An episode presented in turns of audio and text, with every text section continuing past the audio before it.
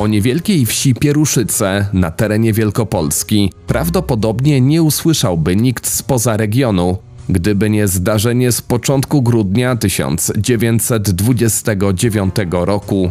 Informacje o rzezi, do której doszło, były tak poruszające, że lotem błyskawicy obiegły niemal cały cywilizowany świat. Na polskich odpustach i jarmarkach jeszcze długo śpiewano upiorny, rymowany utwór streszczający przebieg tej bratobójczej zbrodni.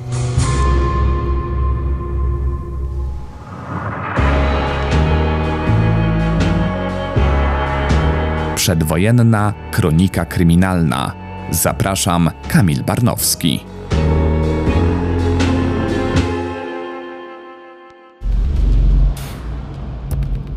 Odcinek piąty. Ostatni. Siedem ofiar wyrodnego syna. Dramat rodziny koniecznych. Na początku XX wieku Pieruszyce leżały niedaleko Kalisza. W odróżnieniu od miasta znajdowały się w zaborze pruskim i miały charakter typowo rolniczy. Pola uprawne przyklejone do chat ciągnęły się aż po horyzont. Małżeństwo koniecznych ziemi posiadało dużo, bo 63 morgi, czyli około 35 hektarów. Na terenie ich gospodarstwa, naprzeciwko niewielkiego, ale solidnego domu z cegły, znajdowała się stajnia. Nie brakowało też studni, z której czerpano wodę. Wspomniana para, Franciszek i Marianna, doczekali się licznego potomstwa. Prawdopodobnie najstarszym dzieckiem była Helena lub jej niewymieniony z imienia brat. Następnie kolejno rodzili się Czesław, Jan, Michał, Stanisław, Maria, Stefan i Leokadia. Póki żył ojciec, w rodzinie panowała zgoda. Niestety po wybuchu I wojny światowej Franciszek na kilka lat trafił do rosyjskiej niewoli, a niedługo po wyjściu z niej zmarł. Nieobecność głównego żywiciela oraz autorytetu dojrzewających dzieci musiała mieć duży wpływ na ich charakter. Nowy kurier przytoczył słowa mecenasa Jankowskiego o nastoletnim wówczas Czesławie. Rośnie jak dziczka, przez nikogo nie szczepiona i niepodcinana. Może miał nawet instynkty szlachetne. Chciał przecież wstąpić do klasztoru, ale też podświadomie rozwijały się z pewnością instynkty złe. Wyraźne zmiany na gorsze nie uszły uwadze pozostałych domowników. Marianna często skarżyła się swojej matce i koleżankom, że syn wieczorami notorycznie ulatnia się z mieszkania, a na dodatek zdarza mu się ją okradać. Mimo to, w opinii siostry Heleny, był posłuszny i nigdy nie wykazywał agresji. Dało się jednak wyczuć wyraźne dystansowanie się chłopaka od reszty rodzeństwa. Czesław twierdził później, że w rodzinie wszyscy mu dokuczali oraz nazywali go głupcem. Nie był jednak typem samotnika i miał kolegów, z którymi się spotykał. Przyjaźnił się m.in. z księdzem we wsi Czermin. W 1929 roku 25-letni Czesław zaczął przesiadywać w sąsiednich Zawidowicach u Bronisława Surmy, lokalnego nauczyciela szkoły powszechnej. Nie pobierał korepetycji, ale wpatrywał się w jego urodziwą siostrę Cecylię. Chciał się z nią ożenić, jednak dziewczynie wcale nie śpieszyło się do ołtarza. We wsi plotkowano, że aby zbyć adoratora, postawiła mu nieosiągalny według niej warunek, czyli uzyskanie gospodarstwa. Równie dobrze mogło być i tak, że sam zainteresowany bez żadnego szantażu roztaczał przed ukochaną wizję dostatniego życia. Z zeznań świadków wynika, że obiecał Cecylii przejąć rodzinny majątek w nadchodzącym roku.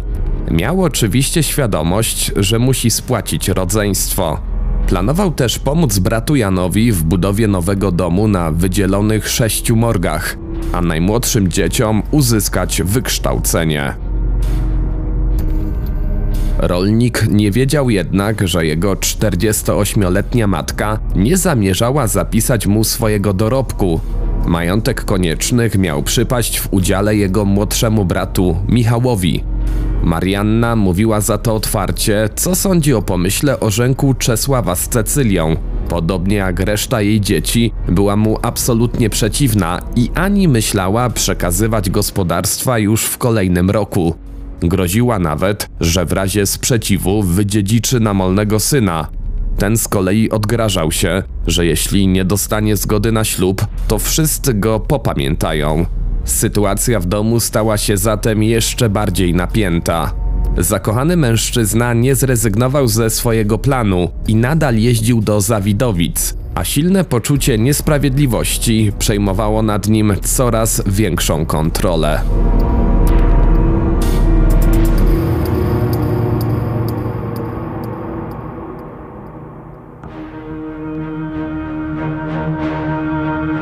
Zbliżał się adwent. Z pewnością wielu Polaków obawiało się powrotu wyjątkowo długiej i ostrej zimy.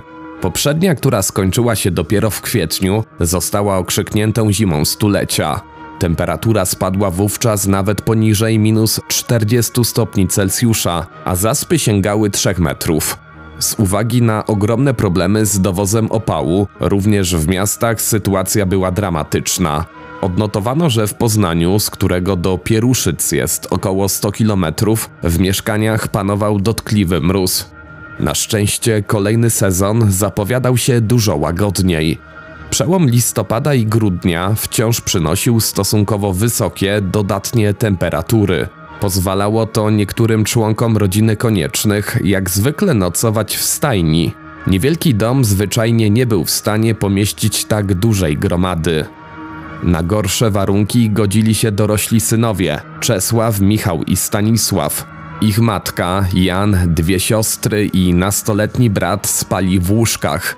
27-letnia Helena, która na żegocińskim dworze wykształciła się na kucharkę, pracowała już w Poznaniu u pewnego doktora, a niewymieniony z imienia brat mieszkał w Karpatach. W niedzielę 1 grudnia 1929 roku Marianna oprócz udziału w obowiązkowej mszy przystąpiła również do spowiedzi. Już od samego rana miała jakieś dziwne, złe przeczucia. Ze swojego strachu zwierzyła się nawet księdzu, który pocieszył ją, nie mając pojęcia, że rozmawia z wierną po raz ostatni. Tego dnia kobieta była też u brata w pobliskim Twardowie. Ponoć powiedziała mu. Słuchaj, tak się coś lękam. Chyba się coś stanie. Później ludzie we wsi szeptali, że nad rodziną koniecznych wisiała klątwa. Nawet duchowny miał ogłosić, że dziadek Marianny był leśniczym i zastrzelił złodzieja, którym okazał się ojciec siedmiorga dzieci. Owdowiała matka życzyła mu wówczas, żeby jego ród spotkała podobna tragedia. W końcu nastał ponury późnojesienny wieczór. Jak zwykle wszyscy konieczni z wyjątkiem Czesława pozostali w domu. Według większości źródeł mężczyzna w towarzystwie kolegi lub kuzyna pojechał rowerem do ukochanej. Wydrukowano też alternatywną informację, że przebywał w Prokopowie, gdzie starał się o pożyczkę dla matki. Tak czy siak wrócił bardzo późno, bo około drugiej w nocy. O tym, co stało się potem, również krążyło kilka wersji różniących się niektórymi szczegółami. Można jednak ustalić najbardziej prawdopodobny przebieg wydarzeń. Skrótowo opisano go w niemal wiekowej, dwukartkowej broszurze ze zdjęciem wszystkich zamordowanych. Pieśń, która się w niej znalazła, rozpoczyna się od słów. Posłuchaj, ojcze, posłuchaj, matko, jakie są dzisiaj dzieci wyrodne. Stają się katami, was nie szanują i popełniają też zbrodnie. Z uwagą sobie proszę posłuchajcie, co w Pieruszycach się stało. Syn porąbał matkę, braci i siostry, wyrąbał rodzinę całą. Z przeprowadzonego śledztwa wynika, że Czesław po powrocie od Cecylii nie udał się na swoje miejsce do stajni, ale do domu. Był głodny i nie chciał spać z pustym żołądkiem. Drzwi chaty dawno już zamknięto, więc mężczyzna zaczął w nie pukać. Otworzyła mu siostra Maria, którą poczęstował kupionymi przez siebie cukierkami. Wejście rolnika obudziło też Mariannę. Czesław dał jej resztę słodyczy, a ta rozdzieliła je pomiędzy pozostałe dzieci. Podobno siostra przygotowała mu kawę, ale mężczyzna poprosił też o kolację. Słysząc to, matka odpowiedziała, że wszystko już zostało zjedzone, a syn i tak na posiłek nie zapracował, więc nie dostanie nic. Wywiązała się kolejna kłótnia, która zeszła na najbardziej drażliwy temat, czyli związek z siostrą nauczyciela. Rodzina zaczęła drwić ze starań o rękę Cecylii i wciąż nie chciała słyszeć o żadnym małżeństwie ani dzieleniu majątku. W końcu zdenerwowany mężczyzna wyszedł z domu w kierunku stajni. Nie wiadomo, czy specjalnie udał się po zaostrzoną tydzień wcześniej siekierę, czy nagle dostrzegł ją i chwycił w przypływie emocji.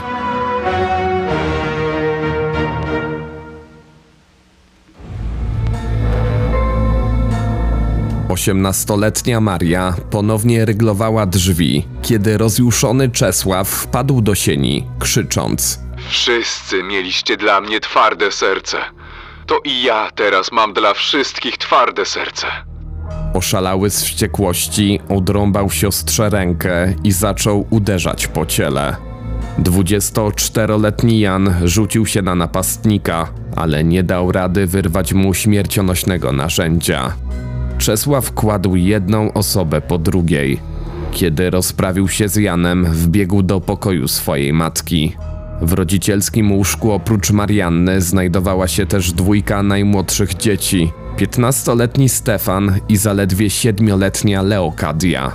Niektóre źródła twierdzą, że pomiędzy panią Konieczną a jej synem musiało dojść do szamotaniny, o czym miały świadczyć poprzesuwane meble.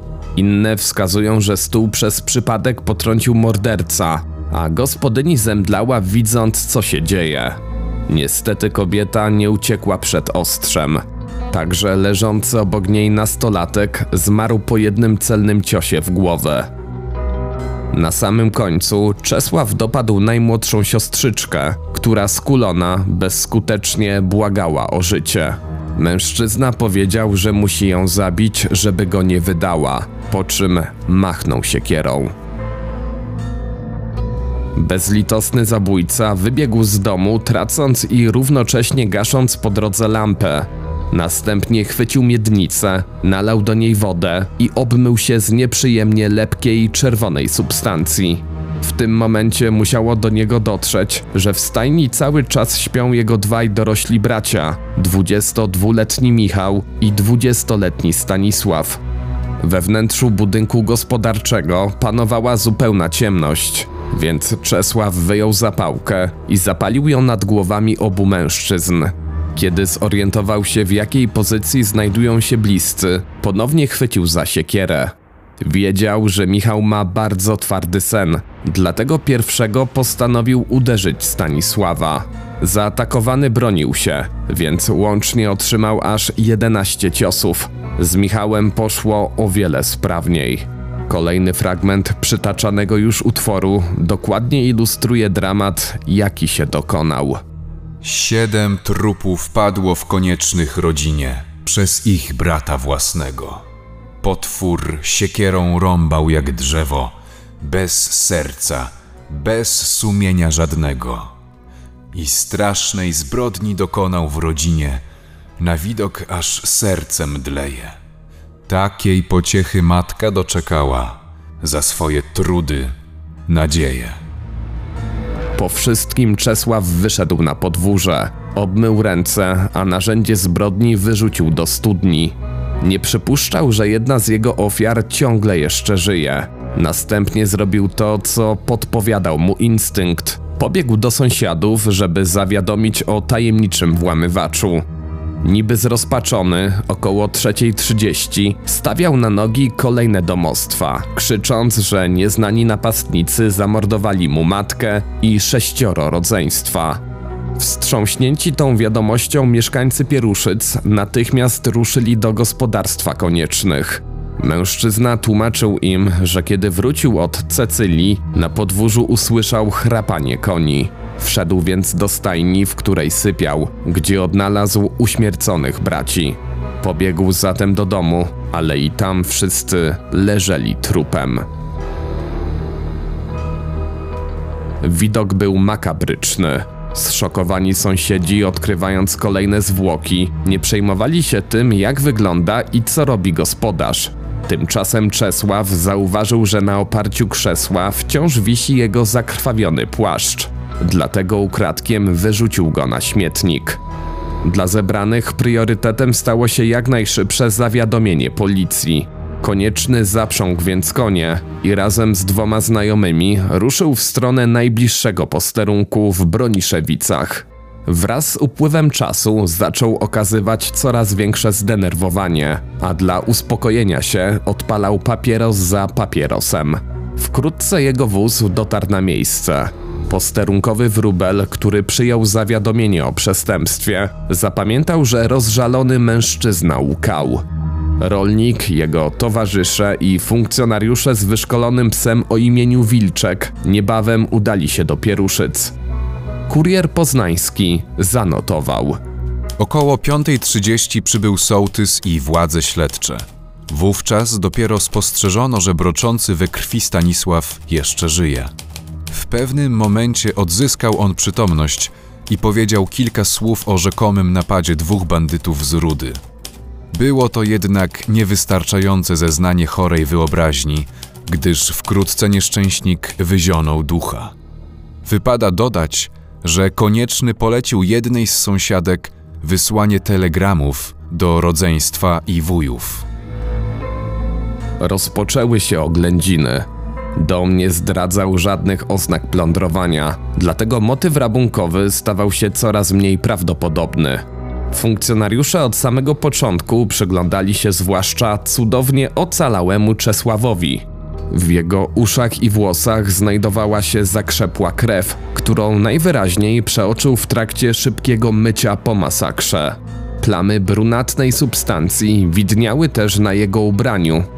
Kiedy zwrócono mu na nie uwagę, tłumaczył, że musiały powstać przy próbie ratowania jeszcze żyjącego Stanisława.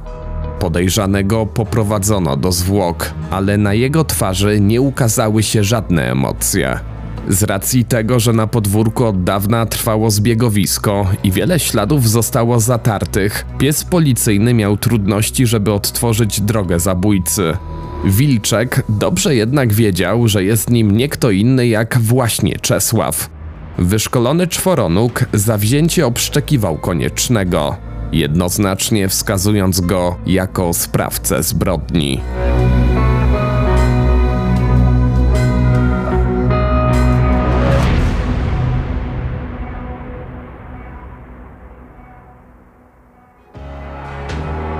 Mężczyzna został zatrzymany, skuty i przewieziony do aresztu śledczego w Pleszewie. Początkowo zupełnie wypierał się zbrodni, ale następnego dnia pękł i ze szczegółami zrelacjonował cały przebieg zajścia. Wskazał też miejsce ukrycia zakrwawionego płaszcza oraz siekiery. Zapytany o to, czy czuje żal, odparł, że tak, ale wyłącznie w stosunku do siedmioletniej Leokadii, bo ona jako jedyna była niewinna. Równolegle z przesłuchaniem odbyła się sekcja zwłok. Trzej biegli lekarze zgodnie orzekli, że rany zostały zadane ciężkim, ostrym narzędziem, przeważnie w głowę lub szyję, a wszystkie z nich były śmiertelne.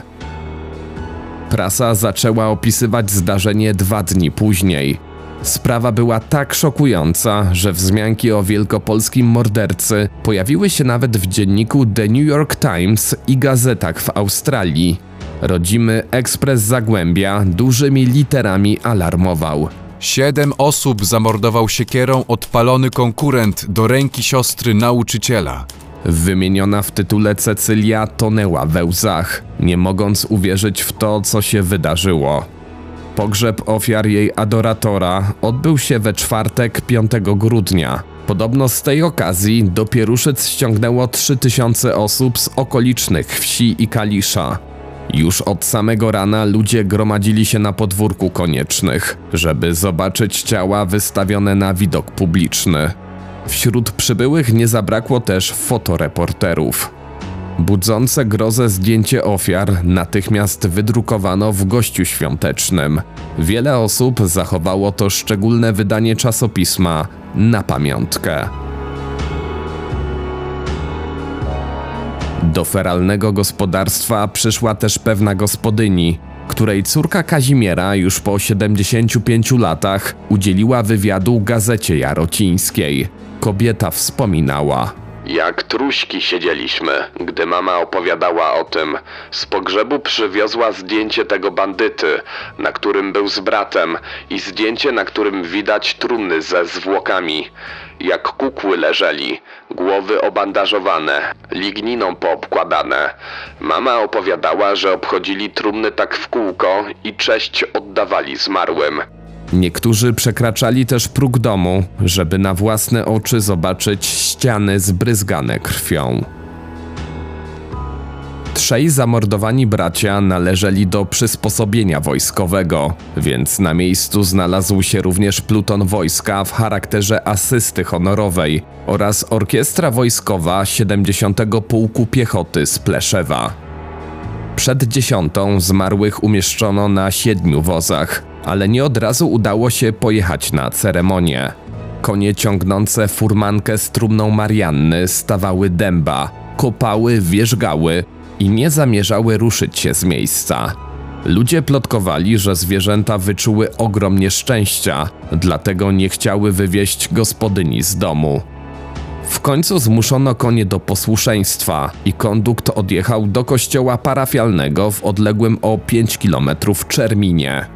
Prasa donosiła o długim orszaku złożonym z pieszych, tysiąca powozów i samochodów.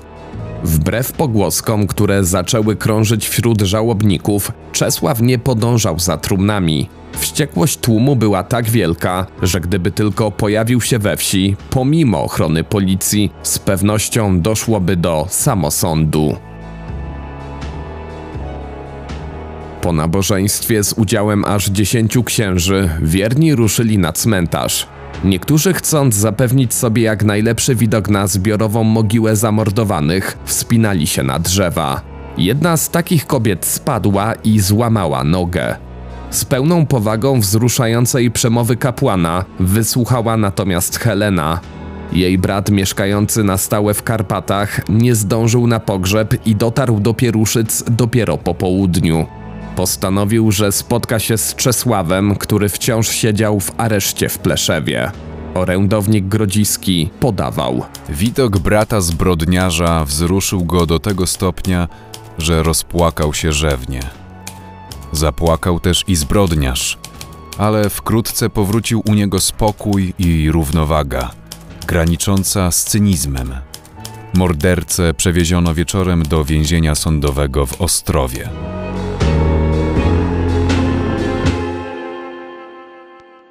Proces przeciwko Czesławowi Koniecznemu rozpoczął się 27 maja 1930 roku przed Sądem Okręgowym w Ostrowie. Chętnych do wysłuchania mrożącej krew w żyłach historii było tak wielu, że na salę obowiązywały bilety wstępu. Oskarżonemu przydzielono obrońcę z urzędu, który miał ratować swojego klienta przed grożącą mu szubienicą. Przewodniczący zapytał podsądnego, czy ma wyrzuty sumienia. Ten odpowiedział, że na początku widywał swoje ofiary we śnie, ale teraz żałuje tylko swojego czynu, a sumienie już mu nie dokucza. Rozprawa trwała zaledwie dwa dni. Wśród świadków pojawili się m.in. najbliżsi sąsiedzi oskarżonego, jego narzeczona, siostra, babcia oraz znajomi zamordowanej Marianny. Z ich zeznań wyłaniał się obraz człowieka nieco problematycznego, ale równocześnie dbającego o gospodarstwo. Powołani biegli psychiatrzy stwierdzili natomiast, że morderca działał z premedytacją, a bezpośrednim powodem zbrodni był żal i przykrości, jakiego rzekomo spotkały ze strony matki i rodzeństwa. Prokurator wygłosił trzygodzinne przemówienie, w którym przekonywał, że przyczyną rzezi był konflikt oskarżonego z resztą rodziny na tle majątkowym oraz jego wybujały egoizm. Po wszystkim mężczyzna wniósł o siedmiokrotną karę śmierci. Wrażenie zebranych zrobiła też mowa końcowa obrońcy. Mecenas Jankowski podkreślał, że choć chciałby z całym społeczeństwem krzyczeć zniszczyć nikczemnika, to jednak musi wykonać swoją powinność. W długiej analizie wskazał na fatalny dla Czesława brak ojca na etapie dorastania oraz liczne krzywdy, których podobno miał doświadczyć ze strony najbliższych. Wysiłki adwokata i tak nie mogły nic zmienić. W ostatnim słowie konieczny uderzył pięścią w stół, a następnie donośnym głosem powiedział: Nie przyjmuję żadnej innej kary, jak tylko karę śmierci. Bo splamiłem towarzystwa, splamiłem swą owczarnię, swą rodzinę, ojczyznę i koronę polską. Narada trwała zaledwie godzinę. Sąd uznał Czesława Koniecznego za winnego morderstwa z zastanowieniem na podstawie ówczesnego artykułu 211 i skazał go na siedmiokrotną karę śmierci oraz zupełną utratę praw obywatelskich. Mężczyzna przyjął wyrok blady jak ściana, był jednak opanowany. Zrzekł się również prawa do apelacji. Egzekucja odbyła się już 19 lipca 1930 roku na dziedzińcu więzienia sądowego w Ostrowie. Morderca pogodził się z Bogiem i wyszedł z celi w towarzystwie księdza zupełnie spokojny. Przed śmiercią wypowiedział kilka słów pożegnania do obecnych przedstawicieli władz, policjantów i lekarza. Po czym z zawiązanymi oczami zawisł na szubienicy dokładnie o 20.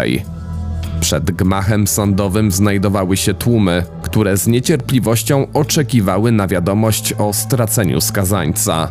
Jeszcze tego samego wieczoru w całym mieście pojawiły się urzędowe plakaty informujące o wykonaniu wyroku. Czesława Koniecznego pogrzebano na cmentarzu w Ostrowie, około 10 metrów od wejścia przy ulicy Limanowskiego. Jak na obecne zwyczaje, wybrane dla niego miejsce jest szczególne. Pieruszycki morderca nie ma mogiły, ponieważ leży dokładnie pod ścieżką pomiędzy grobami na niepoświęconej ziemi. Niegdyś ludzie wierzyli, że jeśli będą deptać po zmarłym, to jego dusza nie zazna spokoju. Według portalu Infostrów na początku, aby zaznaczyć pochówek, wyryto na nim krzyż. Po jakimś czasie na ścieżce pojawiły się ułożone kamienie. Już po 2010 roku nekropolia doczekała się brukowanych alejek, a miejsce wiecznego spoczynku zbrodniarza wyróżniono jasnym kolorem kostki. Wierni, którzy dziś przychodzą na cmentarz modlić się za swoich bliskich, nieświadomie depczą po nagrobku zabójcy.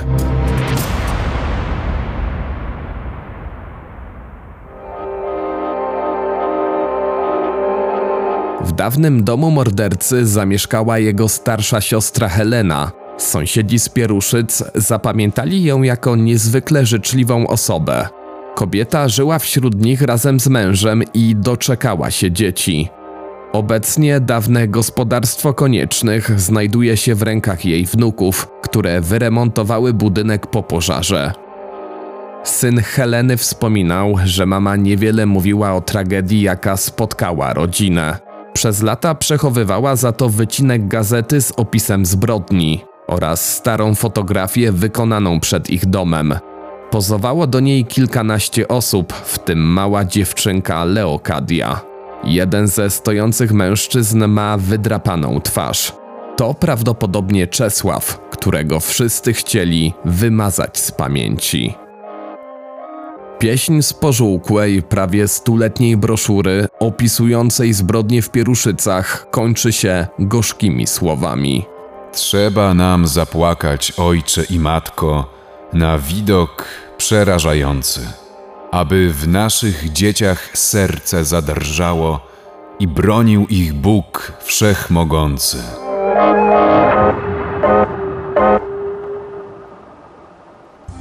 Ten odcinek powstał dzięki Waszemu wsparciu w serwisie Patronite. Jeśli chcesz dołączyć do patronów kanału Opowiem Ci historię, kliknij w link dostępny w opisie filmu.